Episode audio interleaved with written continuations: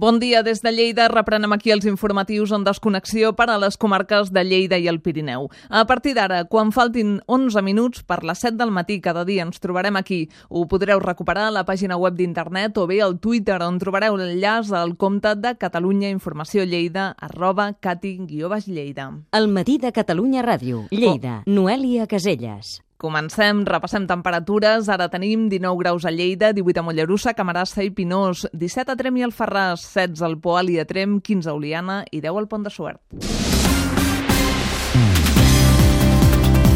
Ho dèiem en titulars després que l'any passat es va registrar una producció rècord d'oli a les comarques de Lleida, la d'aquest any serà força més baixa, sobretot per la necessitat dels arbres de regenerar-se.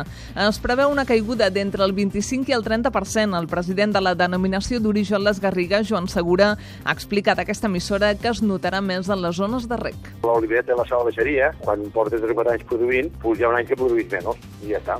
El, el que es regue a oliver, en aquest cas, que són centenaris, doncs aquests a, deuen estar al 50% i els més jovens no, però bueno, més o menys va baixar de producció i a les zones de secà, la producció final dependrà força de les pluges que hi hagi durant el setembre. Que hi ha municipis que no hi ha plogut gens. Aquests municipis que no hi ha plogut gens, pues, si plou antes, com aquell que diu, nosaltres sempre diem, de la Fira de Sant Miquel, pues, que es podria dir que tindrien la, la collita salvada. I augmentaria, pues, bueno, pues, podria augmentar un 7, un 8, un 10%. Tot i el descens a Lleida, es creu que la bona producció que s'espera al Baix Ebre i al Montsià farà que el balanç de la campanya a Catalunya sigui positiu. I l'ocupació turística a la demarcació de Lleida se situa aquest agost al voltant del 80%. Pel que fa al juliol, Ponent i l'Alt Pirineu i Aran, els turistes van pujar un 14% respecte al mateix mes de l'any passat. Laura Cortés. L'ocupació d'aquest agost en el sector hoteler ronda el 70%, arribant fins al 100% en el pont del dia 15. En turisme rural se situa entre el 80 i el 85% i en càmpings en en un 85% de mitjana. El Patronat de Turisme valora positivament aquesta xifra. Jordi Blanc n'és el seu director. Satisfets absolutament amb els resultats d'aquest estiu, perquè tot i la crisi, tot i el, la climatologia adversa que hem tingut en el juliol, com alguns dies d'agost, doncs el turista ha aguantat i segueix acostant per les terres de Lleida. Les dades acumulades també són positives, ja que entre el gener i el juliol d'aquest 2014 la demarcació de Lleida ha registrat un 8% més de turistes i un 7% més de pernoctacions que en el mateix període de l'any passat. I encara relacionat amb el turisme, l'aeroport de Lleida el Guaire ha tancat aquest cap de setmana la temporada d'estiu amb un increment del 66% en el nombre de passatgers.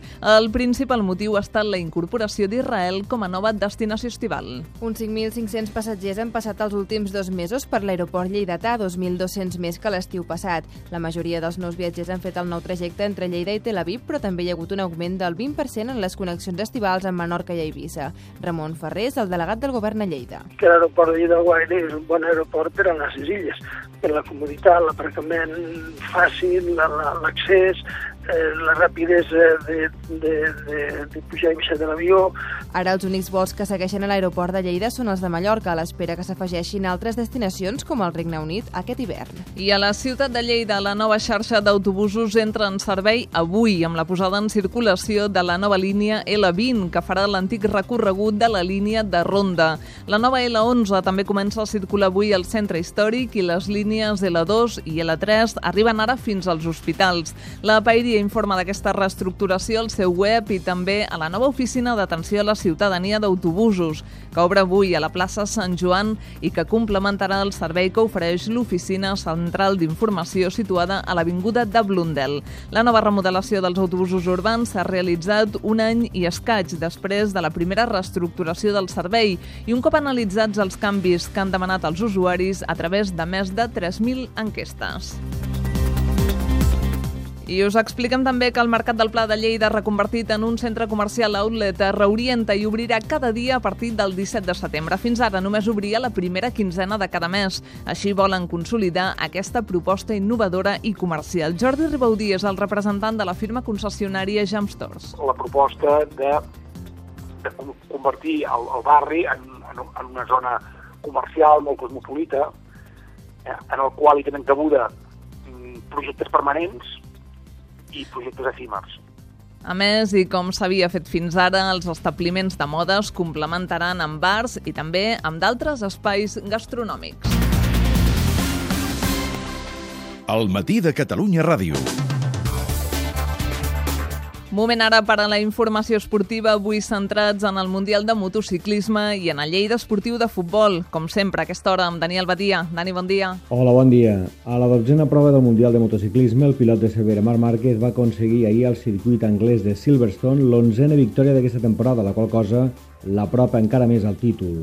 En Moto3, el seu germà Àlex Márquez va acabar segon i s'ha situat a només 14 punts el líder de la categoria Miller. En futbol, el líder esportiu va aconseguir ahir la primera victòria de la temporada en guanyar per 1-0 al Saragossa B al camp d'esports amb gol de Dieguito a la segona part. Ahir va debutar amb el primer equip el jugador de Puigverd de Lleida, Noel Carbonell. Molt content pel debut a segona B. Estava convocat ja pel filial, després se va donar una baixa i i bueno, va arribar la sorpresa i encantat. El Lleida Esportiu intentarà tancar abans de les 6 d'aquesta tarda la sessió del davanter del Barça, Maxi Rolón.